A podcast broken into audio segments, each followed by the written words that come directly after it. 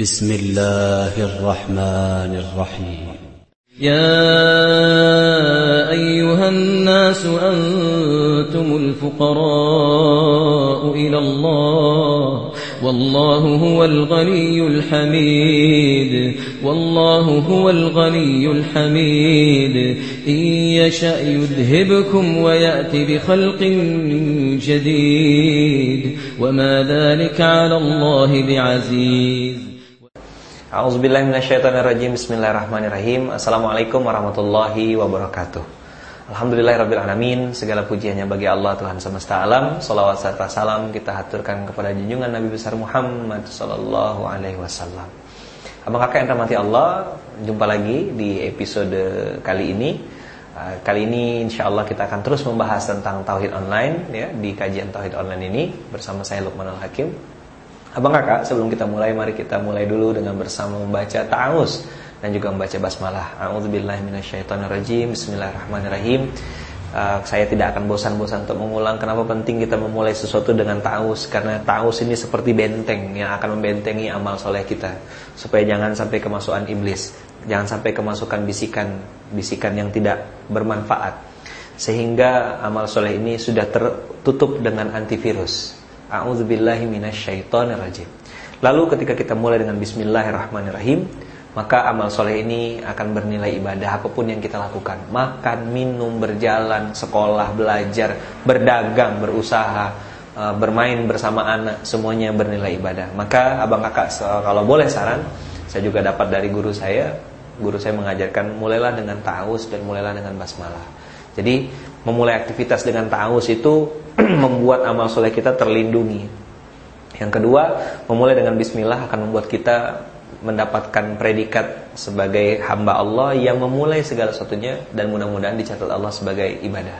Baik, abang kakak yang rahmati Allah, kita masuk di episode yang keempat hari ini insya Allah. Ah, insya Allah besok juga akan terus kita upload. Saya mengulang, mengingatkan kembali abang kakak apa yang kita bahas di episode 3 kemarin. Di episode 3 kemarin saya bercerita tentang seorang montir montir yang dia merasa pintar, merasa hebat, merasa cerdas, memperbaiki mobil, ternyata mobilnya nggak beres-beres. Lalu ada seorang kakek tua yang datang menghampirinya, memperbaiki mobilnya, menawarkan memperbaiki mobil dan dia tidak memperdulikannya. Sampai akhirnya menyerahlah si montir hebat ini, lalu menyerahkan kepada kakek tua yang pakai celana pendek, pakai baju kaos. Nah, dia tidak tahu bahwasanya si kakek tua yang penampilannya sangat sederhana tadi adalah pencipta mobil tersebut atau yang membuat mobil tersebut. Ya wajar saja namanya pembuat mobil pasti tahu seluk-beluk punya mobil. Nah, Abang Kakak namati Allah di episode 3 kemarin kalau yang belum nonton boleh nonton lagi silahkan dicek. Di episode 3 yang kemarin kita berbicara bahwasanya banyak sekali manusia pengen selesai masalahnya, pengen lepas dari masalah, lepas dari masalah hutan dan lain-lain, tapi yang dia cari yang dia gunakan adalah metode-metode buatan manusia, bukan buatan yang menciptakan manusia. Nah, hari ini saya akan memperdalam apa yang harus diperbaiki. Nah, akhirnya kemarin kita bikin kesimpulan yang harus diperbaiki di episode ketiga kemarin, yang harus diperbaiki adalah mindset. Yang harus diperbaiki adalah pola pikir. Yang harus diperbaiki adalah sudut pandang. Sudut pandang siapa? Sudut pandang Allah. Nah, berhentilah untuk melihat sesuatu dari sudut pandang kita karena banyak salahnya. Abang kakak, ibaratnya seperti orang buta yang memegang seekor gajah. Begitu orang buta memegang gajah, dia akan mengatakan, "Oh, gajah itu tipis," karena yang dipegang adalah telinganya. Gajah itu besar karena yang dipegang perutnya. Gajah itu kecil, ujungnya ada bulunya, yang dipegang adalah ekornya. Gajah itu keras, yang dipegang gadingnya. Masing-masing merasa paling benar, masing-masing merasa paling betul, padahal yang dipegang bukanlah gambaran gajah pada keseluruhan. Nah, kakak yang rahmati Allah, sering sekali dalam kehidupan ini, gara-gara daun, selembar daun itu bisa menutupi dunia. Bagaimana caranya? Maka daun itu letakkanlah di depan mata kita, maka dunia akan tertutup semuanya. Hari ini di episode 4 saya akan membahas lebih detail Abang Kak ya tentang bagaimana kita memperbaiki mindset, pola pikir, sudut pandang dari sudut pandang Allah. Baik, saya hapus dulu ya Bang Kakak ya. Kita masih bicara tentang step by step bagaimana saya secara pribadi alhamdulillah dengan izin Allah gitu ya bisa lepas dari masalah itu dan sampai hari ini Allah kasih hadiah, Allah kasih pinjaman, Allah pegangkan sesuatu yang saya sendiri tidak pernah terfikir, bahkan tidak pernah ngitung-ngitungnya. Karena itu bukan juga punya saya, maka saya anggap aja itu bukan punya saya, gitu ya. Nah, kita akan cerita tuh bagaimana punya aset puluhan miliar ya lepas dari hutang, lepas dari masalah penyakit, lepas dari keluarga. Alhamdulillah dengan izin Allah banyak sekali hal-hal yang saya sudah alami dan sudah rasakan. Besar sekali harapan saya abang kakak juga merasakan hal yang sama. Jadi ini dalam rangka tahadus bin nikmah uh, wa amma bi ni'mati rabbika fahaddits dan terhadap nikmat Tuhanmu hendaklah engkau sering-sering membicarakannya. Mudah-mudahan kita semua dirahmati Allah.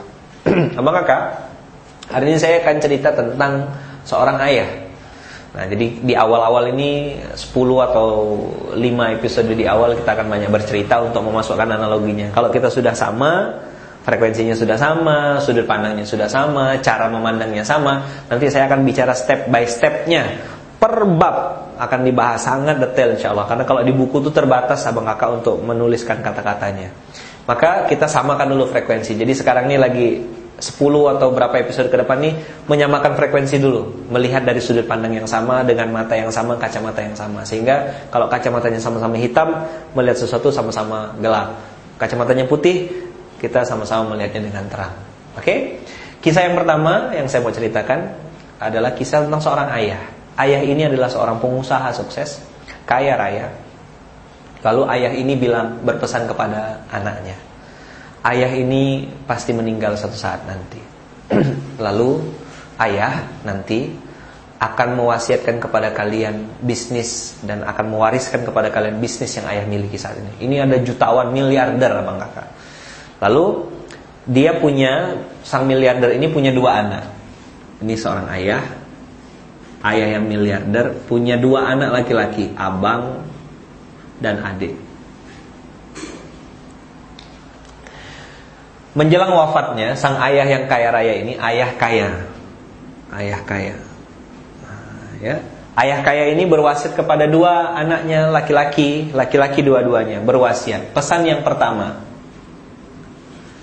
kalau nanti ayah meninggal dan ayah sudah mewariskan harta, ayah pesan yang pertama jangan sampai Nah, ini kecil sekali ya Bang Kakak ya. ini kita hapus dulu ya.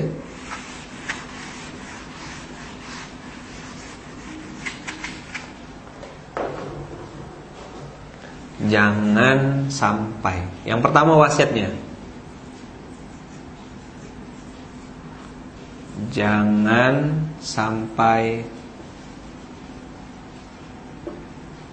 kena sinar matahari.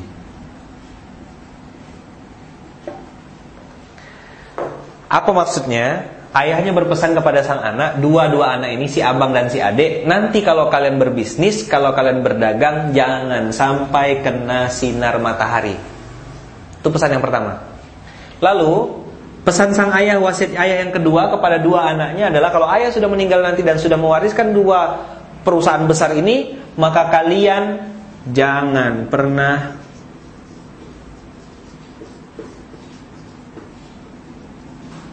menagih hutang. Saya berharap sekali abang kakak Sengaja saya catat supaya nanti kita ingat Yang pertama Apa pesan sang ayah? Jangan sampai pergi kerja ya Atau kamu nanti dalam bisnismu Atau usahamu Jangan sampai kena sinar matahari Yang kedua Ayahnya berpesan Jangan pernah engkau menagih hutang Dua wasiat ayah itu kalian laksanakan. Singkat cerita, si ayah meninggal. Innalillahi wa inna ilaihi rajiun. Sesuai wasiatnya, dua perusahaan besar yang dimiliki oleh sang ayah diwariskan kepada dua adik-beradik ini. Satu diberikan kepada si abang, satu diberikan kepada si adik. Perjalanan waktu baru enam bulan berjalan, baru enam bulan berjalan, enam bulan Baru enam bulan berjalan perusahaan, tapi perubahannya sangat signifikan. Perusahaan si adik naik berkembang pesat, perusahaan si abang justru malah jatuh dan diambang bangkrut. Lalu datanglah seorang ibu, ibu mereka bertanya, Wahai anak-anakku, ibu melihat perubahan yang sangat berbeda antara kalian berdua. Si adik bisnisnya cenderung naik, usahanya maju. Sedangkan si abang bisnisnya kok malah tenggelam dan cenderung sudah diambang bangkrut. Sudah berkali-kali abangmu datang ke ibu meminta pinjaman, meminta bantuan. Ada apa dengan kalian? Lalu dengan wajah ber bersungut kalau kata orang Pontianak ya, ngomel-ngomel, marah-marah. Si abang bilang, "Inilah gara-gara ngikut pesan ayah." Kalau dulu saya menjalankan bisnis tidak ikutkan pesan ayah, mungkin bisnis saya lebih besar. Gara-gara ngikut pesan ayah lah saya jadi berantakan.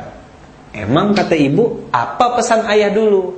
Ayah mengatakan, si abang mengatakan, ayah dulu berpesan jangan sampai kena sinar matahari. Maka saya setiap pergi ke kantor, pergi ke tempat bisnis, saya pakai mobil, saya beli mobil, lalu saya sewa bodyguard untuk memayungi saya. Jangan sampai kulit saya terkena sinar matahari. Dan saya kehabisan uang hanya untuk beli mobil, merawat bodyguard, membayar mereka supaya jangan sampai kulit saya terkena sinar matahari. Saya perawatan kulit dan lain-lain. Yang kedua, jangan pernah menagih hutang karena orang-orang tahu saya anak orang kaya, lalu mereka berdatangan meminjam uang kepada saya. Lalu saya pinjamkanlah karena mereka perlu bantuan. Dan pesan ayah jangan pernah tagih hutang maka saya tidak pernah menagih hutang itu. Oke? Lalu sang ibu oh begitu. Ini ya gara-gara ayah bisnis saya rusak. Kemudian si adik juga ditanya oleh sang ibu. Di lain waktu si adik dipanggil, "Wahai anakku, sang bungsu, Bisnismu ibu lihat semakin maju, semakin sukses. Kenapa? Apa rahasianya? Apa kata si adik? Saya justru bisa seperti ini karena menjalankan pesan ayah. Nah, Bang Kakak dengar ya. Si abang menjalankan pesan ayah, bangkrut. Si adik menjalankan pesan ayah, malah sukses. Lalu ditanyalah sang ibu bertanya kepada si adik, "Wahai anakku, apa yang membuatmu sukses? Apa yang membuatmu justru malah naik ke permukaan?" Apa yang membuat bisnismu semakin besar? Saya menjalankan bisnis yang diajarkan oleh ayah, metode bisnisnya. Lalu si adik berkata, apa pesan ayah? Kata si ibu kan, ayah berpesan jangan sampai kena sinar matahari. Maka saya memaknai wasiat tersebut. Maka saya pergi sebelum sholat subuh ketika matahari masih belum muncul.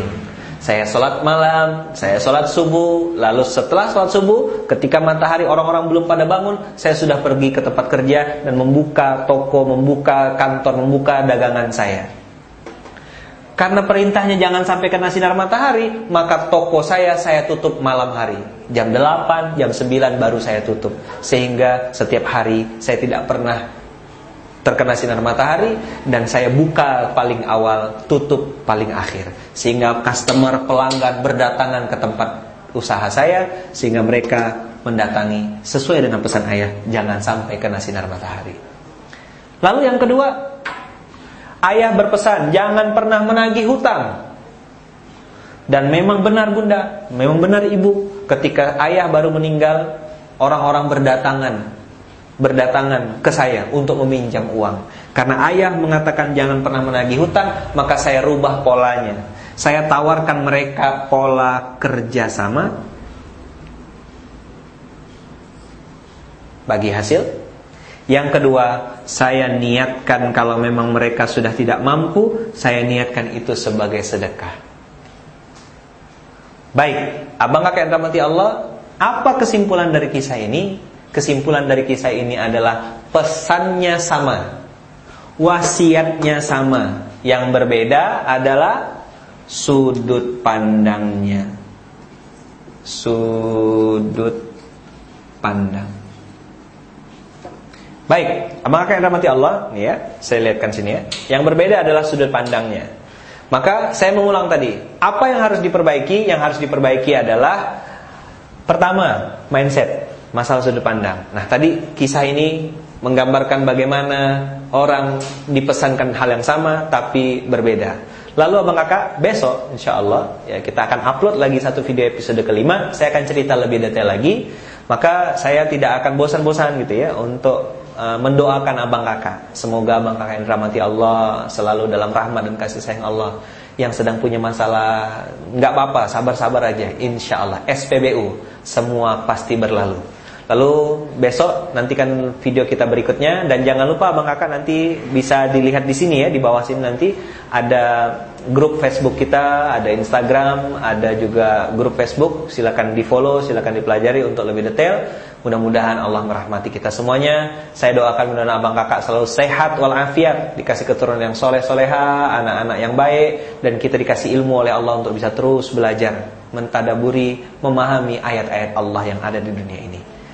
Sukses untuk Anda semuanya, sukses untuk kita semuanya, bukan hanya di dunia tapi juga di akhirat. Rabbana atina fid dunya hasanah wa fil akhirati hasanah. Kita tutup dengan hamdalah, alhamdulillahirabbil alamin.